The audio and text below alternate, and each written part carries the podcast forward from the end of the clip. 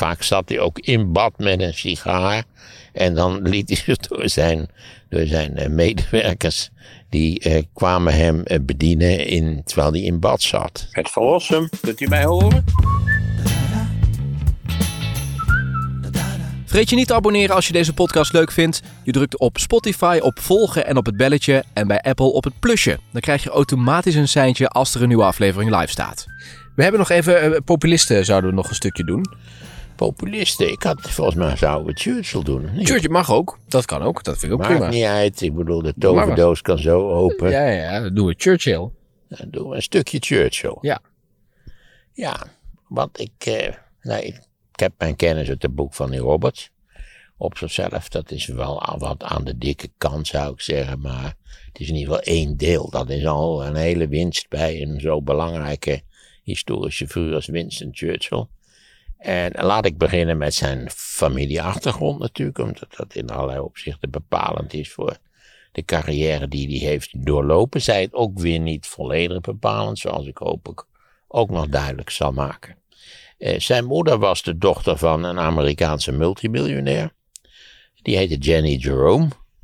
Eh, volgens eh, alle berichten een beeldschone, aan een panter eh, denk, eh, eh, suggererende panterachtige vrouw. En zijn vader was Randolph Churchill. En die was de, een, een zoon van een broer van de hertog van Marlborough. Dat is zo'n beetje deftiger kun je eigenlijk niet worden in Engeland. Dat zijn de Spencers en de Churchills. En, en de, de, de chef van die familie is altijd de hertog van Marlborough.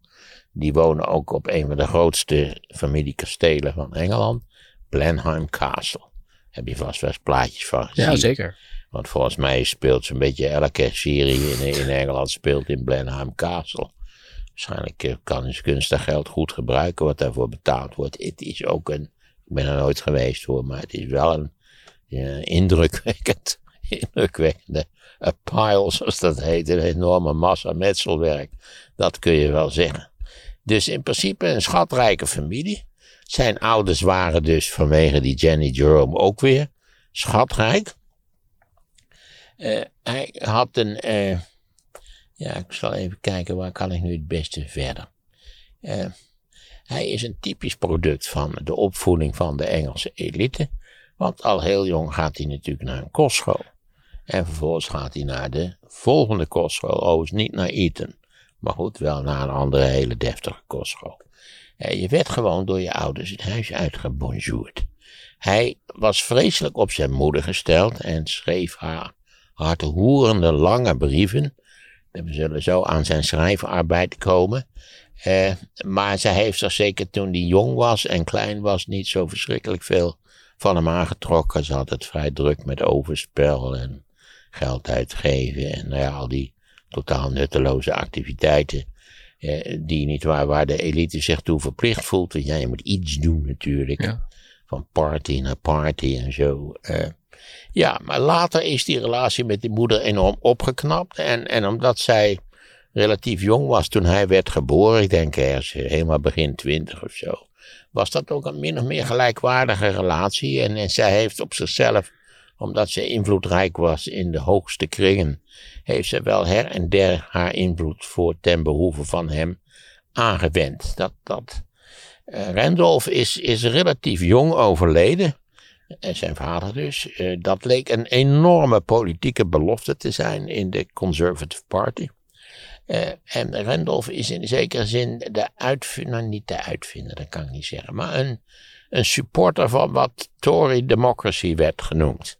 Hij zei ook, ik ben een Tory democrat, dus je bent wel van de conservatieve partij, maar eh, nieuwe sociale wetgeving, oké, kunnen die arbeiders niet compleet laten verrekken, dat kan zo niet. Eh, dat zeggen, allerlei dingen waarbij je toch verbaasd bent dat ze daarvoor waren. Eh, behalve natuurlijk voor afbraak van het imperium, want dat, dat was überhaupt natuurlijk in. Want ik moet eigenlijk even zeggen wanneer Churchill geboren is. Ik geloof iets van pak een beet 1875 of zo. Dat kunnen we even opzoeken. Ja, kunnen. zoek het even op op de telefoon.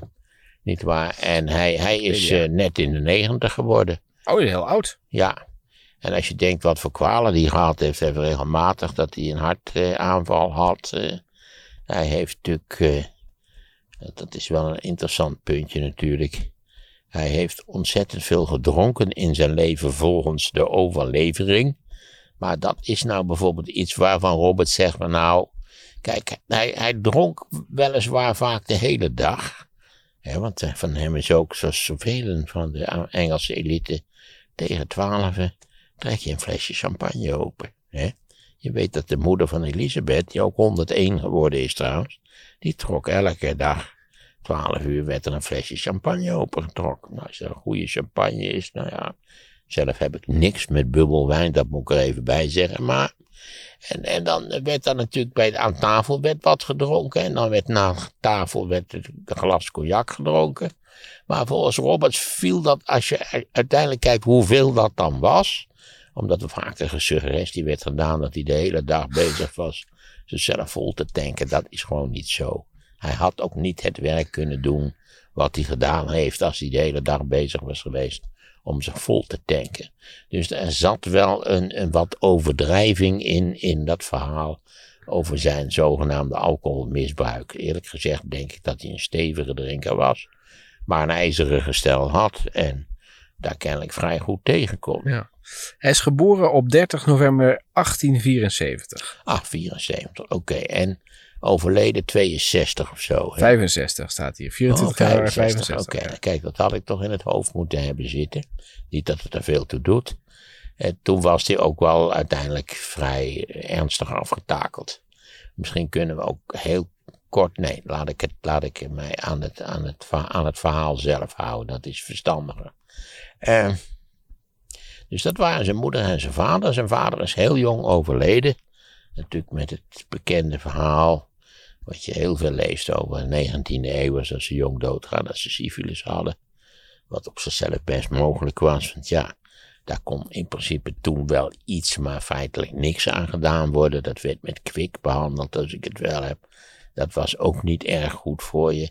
Dus Randolph Churchill is al in zijn veertiger jaren overleden. En een politieke belofte die, die nooit als zodanig gefunctioneerd heeft eigenlijk.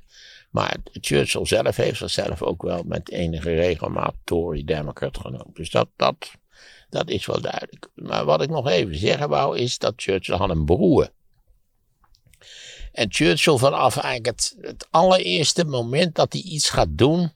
Eh, we zullen zo zien dat hij beroepsmilitair werd, aanvankelijk aan het begin van zijn carrière was aan iedereen duidelijk dat dit misschien een wilde man, ben een zonderlinge figuur in allerlei opzichten, eh, maar briljant.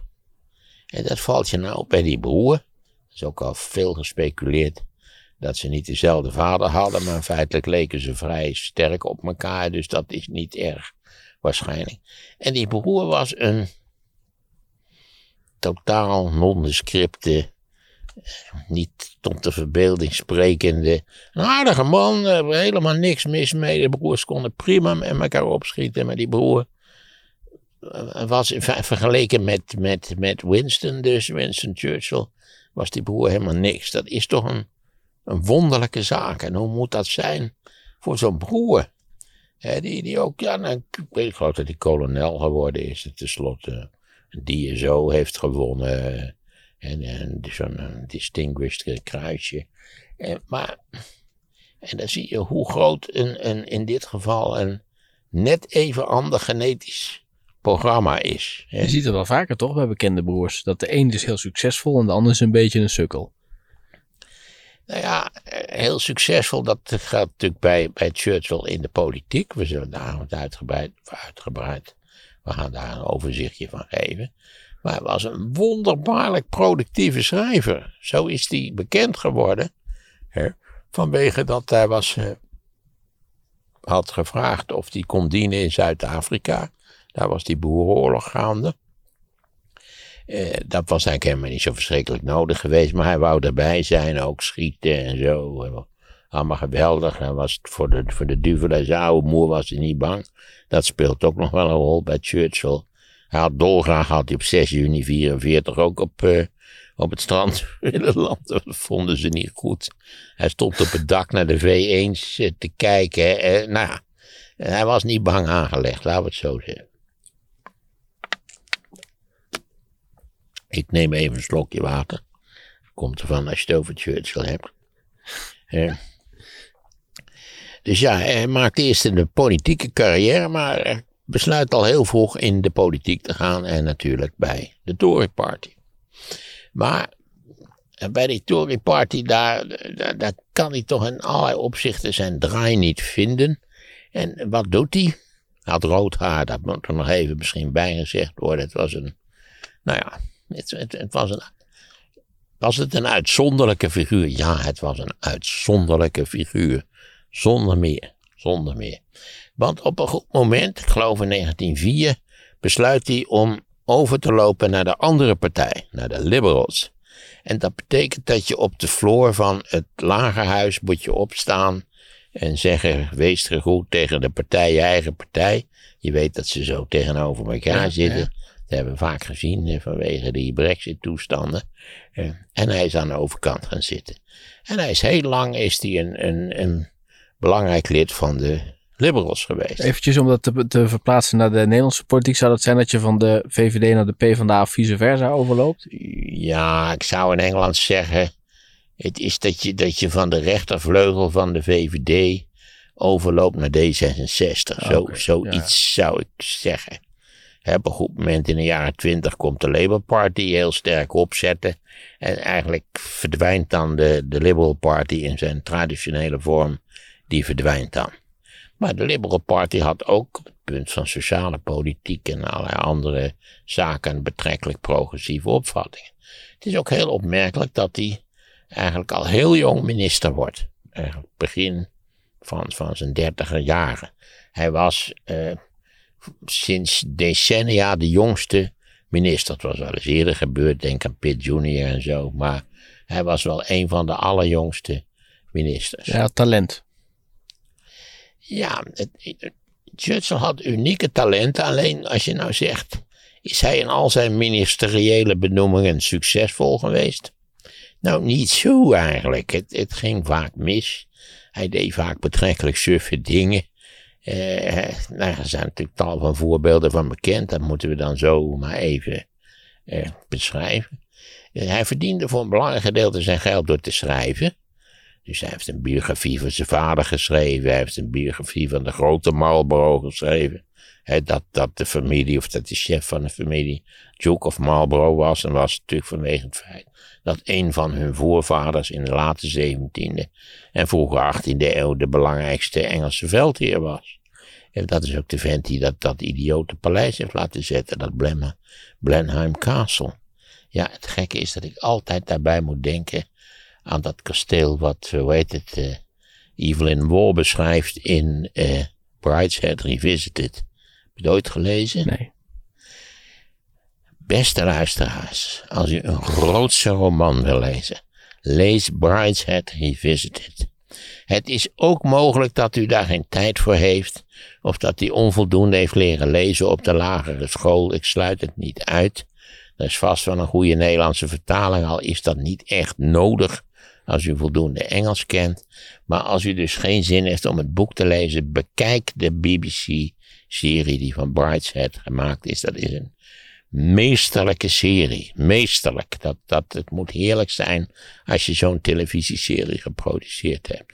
Het, is zelden, zeer zelden zo dat de televisieserie in de schaduw van de roman kan staan. In dit geval zijn ze haast wel evenwaardig. Wat ook wel ligt aan de fantastische acteurs die ze voor de hoofdrollen hebben gevonden. Ik ga nou niet uitleggen hoe het daar maar zit, maar het speelt zich ook af in een immens kasteel. Eh, en, en bij die rare Engelse elite in die immense kastelen. Want eigenlijk moet ik er uitleggen hoe het nou zo komt. Dat je in Amerika, in Amerika, dat je in Engeland enorm deftig kunt zijn. Maar eigenlijk gewoon een burger. Uh, Churchill zat niet in het hogerhuis, Churchill zat gewoon in het lagerhuis. En dat komt door de hele strakke toepassing in Engeland van het recht van primogenituur. Dat wil zeggen, de oudste jongen in de familie, die weer de zoon was van de oudste vorige, in de vorige generatie, was de erfgenaam van alles. alleen die werd de Duke of Marlborough.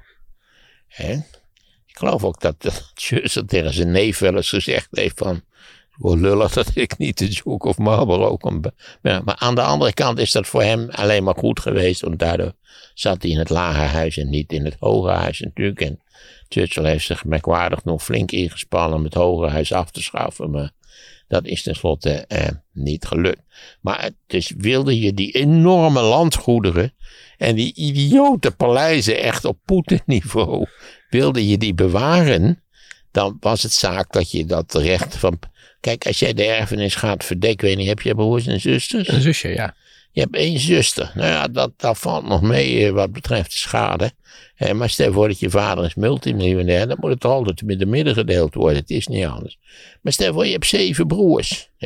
En iedereen krijgt een zevende deel. Ja, dat is moordend. Dan, dan is zo'n vermogen. Nou, pak en beet, dat is in drie generaties, is dat natuurlijk versnipperd en verdwenen. Ja, was toen natuurlijk heel normaal om veel kinderen te hebben. Want ik zag Churchill had ook vijf kinderen. Ja, daar is het in het algemeen heel, heel matig mee afgelopen. Alleen ex zijn jongste dochter, dat, die, die had zo goed op een rij. En die andere aan de drank, over het paard getild. Ja, die zult maar de kinderen van Churchill zijn. Het is een, het is een noodlot om, om, om kind te zijn van zo'n figuur. Want kijk je naar Franklin Roosevelt, ja, dan, dan moet je ook zeggen, die, die zonen die, die dan het rolstoeltje mochten duwen, dat, dat, daar is ook niets van terechtgekomen. Ook allemaal, kijk, het straalt op je af en tegelijkertijd weet iedereen dat het, dat het eh, nou, gereflecteerd licht is. Het licht is niet door jou veroorzaakt, het licht is van iemand anders. Dus ja, ik heb altijd ontzettende meelij gehad van, met de kinderen van, van, van ouders die het ver hebben gebracht. Ja. Ja. ik, ik, ik Kijk aarzel- naar Hazes. ik aarzel bij een anekdote op dit punt. Dat een van de zonen van Lubbe studeerde geschiedenis in Utrecht. En altijd als ik hem zag, dacht ik, zag ik zijn vader op zijn rug zitten. Ja. Maar tenslotte geloof ik is hij met een beurs naar Italië vertrokken. En ik hoop dat niemand, niemand in Italië, hè, want als je je in Nederland je voorstelt, ik leed Piet Lubbers, ik, zag, ik weet niet hoe die heette, die jongen. Ja, dat leek me ook een slachtoffer van dit, van dit syndroom. Eh, zei iedereen van, oh, eh, familie van, hè, familie van. Dat moet iets verschrikkelijks zijn. Hè? Godzijdank had Hitler geen kinderen. Je moet er niet aan denken. Wat een tragisch lot dat zou zijn geweest. Ja, bij Toon Denk, Hermans denk, dat aan ook, die, denk aan die dochter van Stalin. Hè? Oh ja, heeft hij al een dochter? Ja. Ach jee, Svetlana, wat een leven, wat een lijden is dat geweest. Hoor. Ja. Vreselijk. Ja, maar die ne- nemen de Hazes-familie nu, die proberen alles weer opnieuw Ja, de Hazes-familie, maar dat is meer... Nou, daar is het al in het tragicomische getrokken. Omdat ik nooit begrijp wat, waarom die, waarom die zo'n zo'n opwinding veroorzaakte. Hè? Dat je, je kunt niet een rubriekje op het internet openen of daar heb je die, die jonge Hazes. Ja. Ja, ik dacht dat het een psychiatrisch geval was, maar is dat niet zo? Nou ja, hij, dat is iedere keer wat anders aan de hand. En dan gaat hij weer met een andere vrouw. En dan komt hij toch weer terug bij die ene waar hij Ja, nee, goed, dat, dat is allemaal nog wel min of meer normaal menselijk gedrag. Maar waarom zou dat ons interesseren? Dat is mij niet duidelijk. Ja, nou ja, goed, omdat het, het, het, eh, toch Hazes is. Hè? En hij zingt ook. En hij heeft natuurlijk een fanbase opgebouwd. En dat zijn die- Hij zingt ook. Ja, zijn Ja, pa. ongelooflijk onverstandig besluit.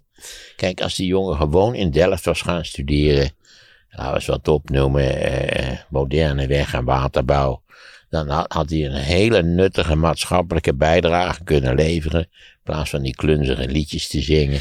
En dan hadden we nooit van hem gehoord en hij was een rustig, gelukkig mens geworden. Dus, maar dit, dit is natuurlijk, het, het stomste wat je kunt doen is dat wanneer je de zoon van Rembrandt bent en je ook gaat schilderen. Ja. Nou, Hè? Doe dat niet. het voorbeeld is Maurice Hermans, de zoon van Toon Hermans. Die was altijd Ook achter de zo'n tragisch lot. Die heeft nog, nog. Ik weet, leeft hij nog? Ja, die leeft toch. Die is heel dik. Ook dat nog. Hè? Nou ja, Maar die ging op een gegeven moment ook zingen. Want die is natuurlijk altijd het, de, de, het hulpje niet alleen ging hij zingen, maar hij was ook eh, de manager van zijn vader. En die hield zijn vader zijn tas vast. ik bedoel, dan moet je toch echt, als je de zoon van Toon Hermans bent, is er maar één mogelijkheid. Je vraagt naamsverandering aan. Dus je heet geen Toon Hermans, maar Jansen. En je gaat ook weer, je doet een leuke studie weg en waterbouw. Maar je gaat niet rommelen op, op tertiair niveau in dezelfde sector. Dat, dat is gewoon ongelooflijk stom. Maar hier wordt vaak ook de ster zelf, dus in dit geval Toon of, of de, hazen, de oude hazen ook wel eens kwalijk genomen dat ze die kinderen niet een normale opleiding hebben laten doen. Maar ja, dat, zou, dat vind ik ook wel. Ik vind dat niet erg, erg eh, verziend, eerlijk gezegd. Nee. Je zou toch ook tegen je. Ja, stel nou voor dat mijn zoon tegen mij had gezegd: Ja, ik ben ook van plan om bij de letterlijke faculteit in Utrecht te gaan werken. Had ik gezegd: In godsnaam, doe dat niet. hè? Ja, doe, ga iets anders doen, wat totaal dan niets mee te. Godzijdank heeft hij dat ook gedaan, natuurlijk. Ja. ja. Dat is bij die Hermans ook zo, hè? Die, die werd uh, mee het toneel ingesleept. Kom jij maar de trom vasthouden? Ja, dat is toch verschrikkelijk. Dat is toch ook vernederend. Zo'n, dat zo'n vader ook niet zei, joh, donder op, gaan we het anders doen. Ik, ik vind dat volkomen onbegrijpelijk. Oké, okay, Vooral in dat verdomde artistieke milieu heb je dat natuurlijk heel sterk. Ja, ja, ja. Waar waren we met Churchill gebleven? Zij is uh, overgelopen naar uh, de Liberals. En daar is hij al heel jong minister geworden. Ook in de, in de Eerste Wereldoorlog is hij minister. Uh, maar daar, daar voldoet zich al een van zijn grote onjuiste beslissingen voor. Namelijk een aanval op de, de zeeengte bij Gallipoli, bij, bij Turkije, de zeeengte tussen de Middellandse Zee en de Zwarte Zee. Dat leek zo'n goed idee en dan zou Turkije misschien toch aan, aan, de, aan, de, aan de geallieerde kant scharen. Iets in die geest was het, was het plan. Churchill heeft altijd een Middellandse Zee-obsessie gehad. Dat hij ook in de Tweede Wereldoorlog, eerlijk gezegd. Maar dat is een gigantische mislukking geworden. En hij is gedegradeerd en hij is zelfs, op zichzelf stierde hem dat, een half jaar na het front in Frankrijk vertrokken. Daarna komt hij weer terug en kan hij gewoon weer overnieuw beginnen. Want ze waren niet kinderachtig in die tijd. Dat, dat, moet, ik er wel, dat moet ik er wel bij zeggen. Um, wat deed hij? Uh, ja, ik kon even denken aan dat Gallipoli. Want er is een heel onderzoek geweest naar die kwestie. Dat, dat, dat van die aanval. En uh, dat is heel treurig en slecht afgelopen. Maar daar is hij toch wel vrijgepleit van een aanzienlijk deel van de schuld, zo niet van de hele schuld. Maar het is altijd aan hem blijven kleven dat hij de hoofdverantwoordelijke was voor die zo jammerlijk mislukte militaire operatie. Ze zijn daar nooit veel verder gekomen dan de landingen op het strand ter plekke. Uh, maar goed, hij keert uiteindelijk weer terug. Uh, hij wordt tenslotte, komen we aan zijn tweede belangrijke uh, uh, politieke functie, minister van Financiën. Dan besluit hij aan het begin van de jaren twintig, ondertussen is natuurlijk de Eerste Wereldoorlog die is afgelopen. Aan het begin van de jaren twintig besluit hij als minister van Financiën om het pond terug te laten keren naar de gouden standaard. Dat leek iedereen, je weet, de gouden standaard, dat had toen nog enorme betekenis. En, en nou ja, vooral het pond, dat, dat was een, een munt van in allerlei opzichten wat, wat de dollar nu is. En vandaar. Dat bleek ook een rampzalig besluit te zijn. Want omdat het pond terugkeerde naar de originele waarde van bij het begin van de Eerste Wereldoorlog, werd dat pond eigenlijk veel te duur onder de nieuwe andere internationale financiële omstandigheden. Met als gevolg dat de hele jaren twintig in economisch opzicht voor Engeland een vrij rampzalige zaak waren. Engeland was natuurlijk, dat moet je niet vergeten, toen een heel ander land dan het nu is. Het was, het was misschien wel de leidende natie van de wereld. Het was het grootste imperium. Uh, Engeland had natuurlijk tussen, nou ja, zeg halverwege de 18e eeuw en, en het, het eind, nou, zeg maar rustig rond de 1900, was het, het verreweg het meest succesvolle industriële land in Europa geweest. Want pas in 1913 wordt Engeland als industriële mogendheid gepasseerd door Duitsland. Ook natuurlijk een heel frustrerende zaak. Hè? Dat je, je hebt anderhalve eeuw heb je de lakens uitgedeeld en je was, de, je was de beste en zo. En dan ineens komt er een, een nieuwe natie op die het beter kan dan jij. Tot op de dag van vandaag is dat ook natuurlijk zo gebleven. Duitsland is natuurlijk een exportwonder in allerlei opzichten. Dat kun je bepaald van Engeland, kun je dat bepaald eh, niet zeggen. Ondertussen was natuurlijk heel Europa wel gepasseerd door de Verenigde Staten. Die eigenlijk vanaf, pak een beetje 1890, een, al, al een economie hadden die groter was dan die van de Duitsers, de Fransen en de Engelsen samengenomen. Maar goed, niemand lette toen nog op de Verenigde Staten, dus eh, Engeland was een speciaal geval. Engeland was in allerlei opzichten een bewonderde natie. met dat fantastische empire. En eh, nou ja, in allerlei opzichten natuurlijk ook. Je hebt het bekende verschil tussen hard power en soft power. Hard power zijn militaire spullen. Soft power is al het andere. Uh, Winnie de hè, bij wijze van spreken, is ook. Als iedereen jouw kinderboeken leest, dan weet je dus zeker dat je echt. dat je potten kan breken in de internationale wereld. Hè. China is een goed geval van. in feite de afwezigheid van soft power.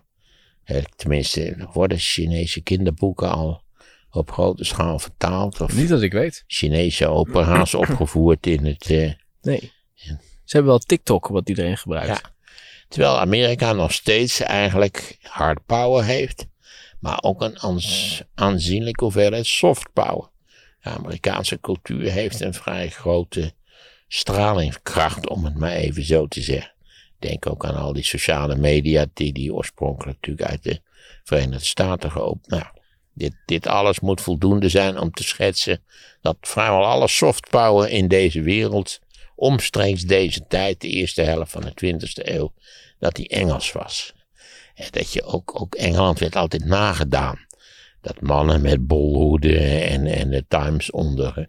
De Times was de meest invloedrijke krant ter wereld. Nou, ik, ik vraag me of er überhaupt nog iemand is die de Times leest. Misschien een enkele bejaarde in Engeland. Maar eh, ook daar is natuurlijk de, de reputatie van Engeland ligt daar uitgebreid aan duigen. Dus ja, dit was een, een vrij rampzalig besluit, wat ook eh, tegen hem gebruikt is natuurlijk. En dan, ja, we gaan nu wel een beetje in zeven met zeven mijlslagen, maar we arriveren zo in 1940. Dan stoppen we even en dan gaan we volgende week gaan we door. Want dan begint eigenlijk zijn echte grote carrière. Dat is de reden. Ik denk dat, dat je in de jaren twintig hadden mensen wel van Churchill gehoord, maar niet op de manier waarop wij van Churchill hebben gehoord in feite. In de jaren dertig, dat is zijn uh, Winter of Discontent, omdat hij eigenlijk buitenspel stond in de jaren dertig. Nou moet ik er direct bij zeggen dat dat buitenspel ook wel weer meeviel. Gaf die man nou een gezellig tikje. Komen alle geheimzinnige wandelaars voorbij. Hè? Eigenlijk zouden we zo'n zo'n lamp voorop moeten hebben die je aan kunt knippen. Dat je ineens een, een zee van licht over de stad. Je hebt natuurlijk het grote licht van die auto. Kijk, je kunt dit, ah, dat is ja, maar dat helpt niet. Nee, we staan dat is te weinig. Ja. Dat is gewoon te weinig. Je moet ledverlichting hebben. Ja, dat is wel... ja. Ja. Dat is echt wonderbaarlijk goed, mag ik wel zeggen. En dan vragen wat hij hier doet, zo laat Bijvoorbeeld een van, van die verbeteringen van de autotechniek. Niet waar, dat, ik, god, nog, nog geen twintig jaar geleden hadden wij een auto met koplampen nou. Het leken wel vaccinelichtjes, joh. Het, is, het stelde echt helemaal niets voor. Nu heb je dat ledlicht, als je het aanzet, dat is nou, het lijkt wel of de zon opgaat, bij wijze van spreken. Ja, dus zijn, zijn jaren in de wildernis, zoals dat heette. Uh, over Churchill, dat moet is een, een kleine zijstap, is ook vaak gezegd dat hij last had van depressies. Hij noemde dat zelfs de Black Dog. Hij had waarschijnlijk wel depressies, maar of dat een ernstige bipolaire stoornis was, zoals ook wel wat beweerd. Robert zegt dat dat niet zo was. Dat hij had depressieve momenten of periodes, maar niet op een, laten we zeggen, klinisch eh, aantastende manier. Ik kan dat zelf eigenlijk natuurlijk niet beoordelen. Die Robert zet in het algemeen een hele beschaafde en rustige toon. Dus ik ga er maar vanuit dat hij dat uh, grotendeels uh, naar waarheid uh, beweert. ja, dus de jaren dertig waren Churchill's jaren in de wildernis. Dat kwam natuurlijk voor een belangrijk gedeelte ook omdat hij toen opvattingen had over de buitenlandse politiek die helemaal niet strookten met de gangbare opvattingen in de Engelse elite over de buitenlandse politiek. Omdat natuurlijk in januari 33 was Adolf Hitler aan de macht gekomen in Duitsland. En eigenlijk heeft Churchill praktisch vanaf het allereerste begin gewaarschuwd tegen de opkomst van het nationaal socialisme. En gezegd, eh, je moet die lui niet te vriend zien te houden, want dat gaat toch niet. We moeten zorgen dat we op tijd goed voorbereid zijn als ze vervelende dingen gaan doen. Maar dat vond de elite eigenlijk niet. Die voerde de zogenaamde appeasement politiek. Met als hoogtepunt natuurlijk de conferentie van München en Chamberlain die dan terugkomt uit München en uit dat vliegtuigje stapt. Hè, dat je denkt dat ze erin durfde, dat is al een godswonder. En dan zo'n papiertje in, in, de, in de lucht houdt en zegt, peace in our times. Ja, september 38, dus je begrijpt al, daar is natuurlijk ook niet zoveel van terechtgekomen. Overigens was eh, eh, Churchill toch zo ingevoerd in het politieke apparaat, dat hij door allerlei eh, eigenlijk een beetje ontrouwe ambtenaren tiptop op de hoogte werd gehouden van wat zich afspeelde. En hoe de verhoudingen lagen en wie wie was en nou ja, hoe het, hoe het precies ging. Hij schreef zich ondertussen de poten blauw in dat geweldige buiten, dat geweldige huis wat hij gekocht had in de jaren 20, Chartwell. Dat kun je bezichtigen.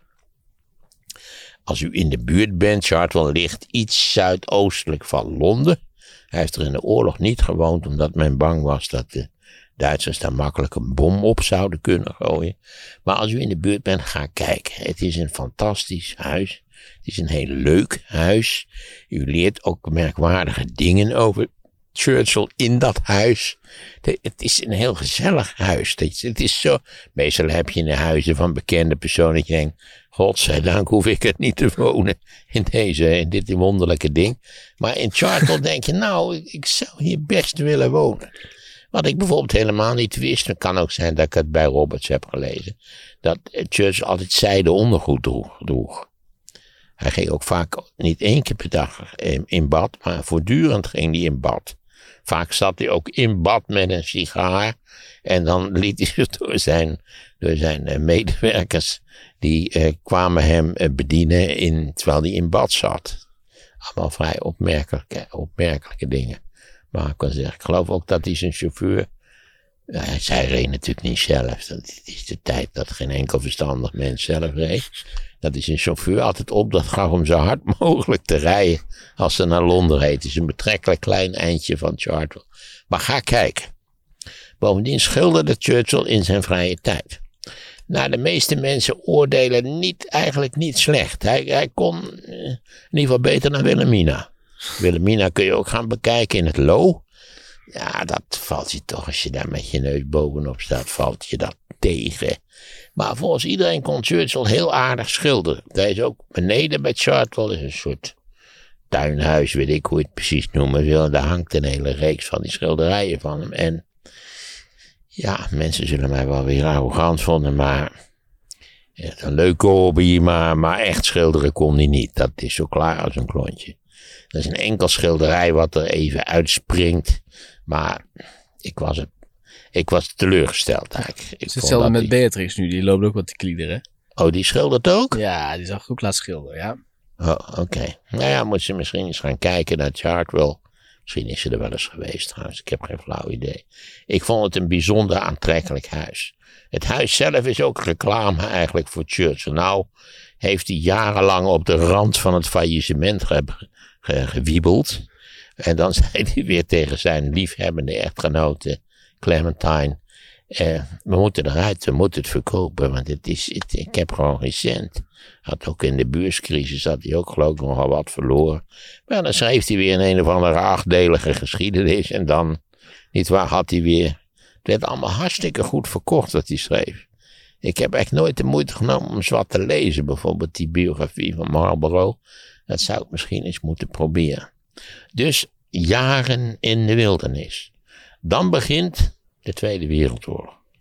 En dan wordt hij eigenlijk door Chamberlain, die hij al die jaren bekritiseerd had, onmiddellijk aangetrokken als minister van Marine. Dat was hij alles eerder geweest en hij was natuurlijk ook een, in allerlei opzichten een typische houtdegen, dus ze waren daar heel gelukkig met hem. Dus hij wordt eh, in, in 39 wordt minister van Marine. De, de Tweede Wereldoorlog is dan begonnen. Nou ja, dan komt dat, mee, dat misschien wel meest dramatische moment in West-Europa van de Tweede Wereldoorlog. Namelijk de verpletterende, razendsnelle nederlaag van Frankrijk in het voorjaar van 40. En dan weten ze zich eigenlijk geen raad in Engeland. Wat dan? En dat is het moment waarop Winston Churchill prime minister wordt. Hoe oud is hij dan? 65. We hebben het net opgezocht. Hij is dan 65. Dus je ziet, je kunt een, grootse, wereldomspannende, mondiale carrière beginnen.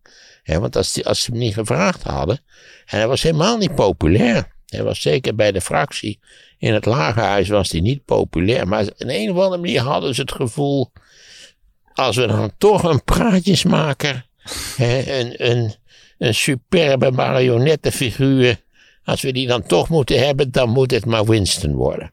En zo wordt hij eigenlijk prime minister. En nou ja, dat is his finest hour. Daar moeten we het volgende keer dan over hebben.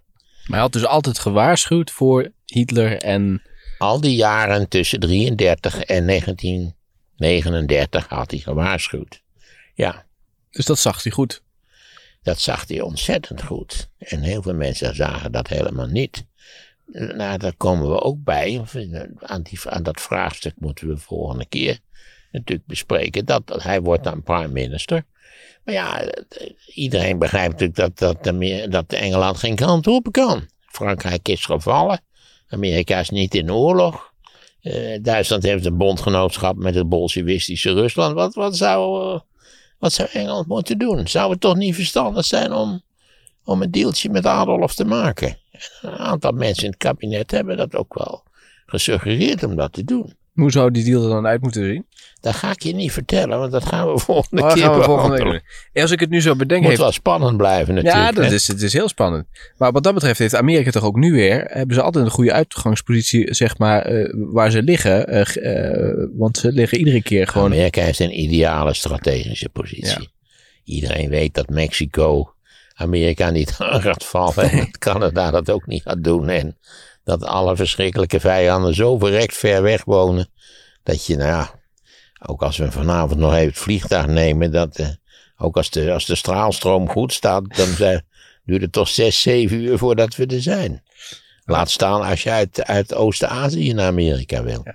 Vind je deze podcast leuk en wil je automatisch een seintje krijgen als er weer een nieuwe aflevering live staat? Klik dan op Spotify op volgen en op het belletje en op Apple op het plusje op de podcastpagina. Dan krijg je automatisch een seintje als er een nieuwe aflevering live staat. De toverdoos kan zo open. Men wilde een totaal nieuwe samenleving creëren. Een, een rechtvaardige samenleving. Voor het eerst in de menselijke geschiedenis zou een waarlijk rechtvaardige samenleving tot stand worden gebracht. En bovendien een waarlijk moderne samenleving. Maarten van Rossum over de geschiedenis van de Sovjet-Unie. En we weten allemaal dat het eigenlijk eh, heel anders gelopen is eh, toen het experiment eenmaal was gestart. Het luisterboek staat nu voor je klaar. Download het via het linkje in de beschrijving. De impact van die revolutie is enorm geweest. Misschien is het wel in allerlei opzichten de meest, ook tegelijkertijd de meest invloedrijke politieke gebeurtenis van de vorige eeuw geweest.